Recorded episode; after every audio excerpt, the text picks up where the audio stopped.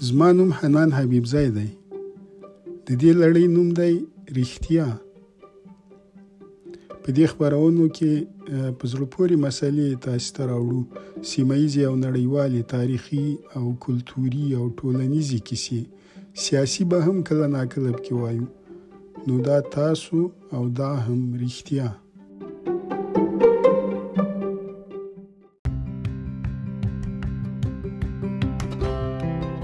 سلامونه درنو اوریدونکو رښتیا ته ښه راغلاست حنان حبیبزی یم مینه او درناوی ومنئ د انټرنیټ په پرمختیا سره چې هر څه ژر بدلیږي اوس د رادیو په وړاندې پاډکاستی خپرونې را دمخه شوي دي چې له ولسمشرانو نیولې تر پوهانو او د نړۍ تر مشهورو څیرو پورې خلک پکې ښکیل دي په دې لړ کې ډیری خلک غږیز پروګرامونه چمتو کوي او په ځانګړو ویب پاڼو کې خپروي. دا د ټولنیزو یا خواله رسنیو له انقلاب وروسته د پاډکاسټونو پیل په راډیوګانو خپل سیوری غوړولی دی. رسنیزې ټولنې د یوې ځانګړې تګلارې له مخې خپرونې کوي چې د بېلابېلو کسانو خوښه او ناخوښه د موضوعاتو شعوري غوراوی، ایډیټوریل او حکومتي سانسورونه، خبریالانو ته ګواښونه او داسې نور ډېری مهم مسئلې له خپرېدو پاتې کوي او له دې سره د رسنیو مخاطبان ځانونه په داسې خپرونو په ترلاسه کولو کې مومي چې ددوی په اړه ځینې حقایق له پامه غورځوي. ځینې وخت د خبري پېښو فشارونه چې په فزیکي توګه د راډیو اورېدونکي ګواښوي، ژوند او شتمنۍ ته یې زیانونه اړوي په رسنیزو راپورونو محدودیتونه د مخاطبانو د غږونو د رسولو وس له لاسه ورکوي او په دې توګه اورېدونکي ځانونه په هغه رسنۍ کې نه مومي چې دوی یې اوري. دا همدې لپاره ده چې مشهورو نړیوالو رسنیو لکه بي بي سي، په خپل ایډیټوریل تګلاره کې راوړي دي چې د رسنۍ بنسټي مخاطبان جوړوي. همدا کره خبره ده چې د ژرنالیزم بنسټ مخاطبان دي خو که څوک یې نه عملي کوي نو دا د هغه خپله ناغیړي ده. مخاطبان عام خلک دي چې تل رسنۍ اوري، ګوري یا یې لولي. دوی نه یوازې د رسنۍ مخاطبان دي بلکې هغه خلک هم دي چې تل د خبري پېښو موضوع ګرځول کېږي او له کبله یې رسنۍ بېرته د دوی د خبرونې لپاره په همدغه پېښه چې دویې موضوع و، راپور چمتو کوي.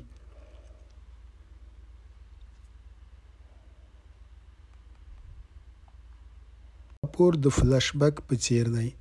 چې ځینې ناروغان یې د پخوانیو پېښو په اړه پیدا کوي. دې مخاطب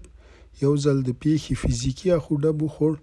بیا یې رسنۍ بیرته ور په زړه کوي چې مخاطبه هغه وخت چې ته د پلانکۍ پیښې قرباني شوې نو په تا باندې تاوتریخوالی له بهره داسې او هغسې ښکاریده نو تاسې څه فکر کوئ چې د دې کس په ذهن به هغه وخت څه تیریږي چې کله ته هغه کیسه ور یادوې چې په ده د ظلم او تیري انځور وړاندې کوي نو د دې لپاره مخاطبان باید د هرې رسنۍ بنسټ جوړ کړي، نه سوداګریزې ادارې یا ملاتړ کوونکې څانګې.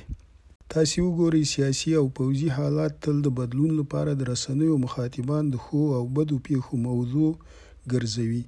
خو ډېر ځل یې د تاوتریخوالي پر مهال خبریالان نه شي کولای چې د جګړې له لومړۍ کرښې څخه حقایق راپور کړي، ځکه چې امنیتي او نورې ننګونې دوی نه پرېږدي چې کره معلوماتو ته لاسرسی پیدا کړي، نو دوی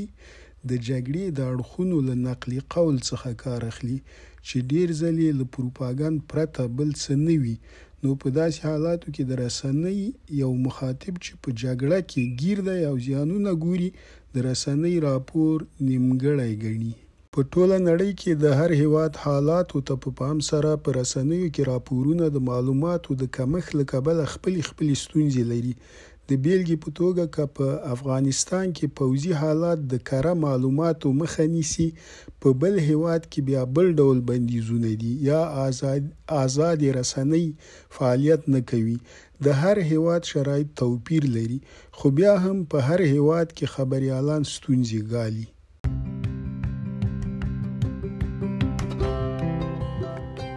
نو له همدې کبله دا چې اوس په انټرنیټ باندې خلک خپل لاس په کار شوي دي او د پادکاسټ په نامه غږیزې خبرونه کوي او هغه څه چې د دوی په چاپیریال کې پیښیږي راپوروي پادکاسټ غږیز فایل ته وایي چې دا اوریدو وړ وي او له اپ یا ویب پاڼې څخه کمپیوټر ته راښکته کولای وشي هغه غږیز فایل ته ویل کیږي چې له ویب پاڼې څخه کمپیوټر ته را ښکته کی یا ډاونلوډ کی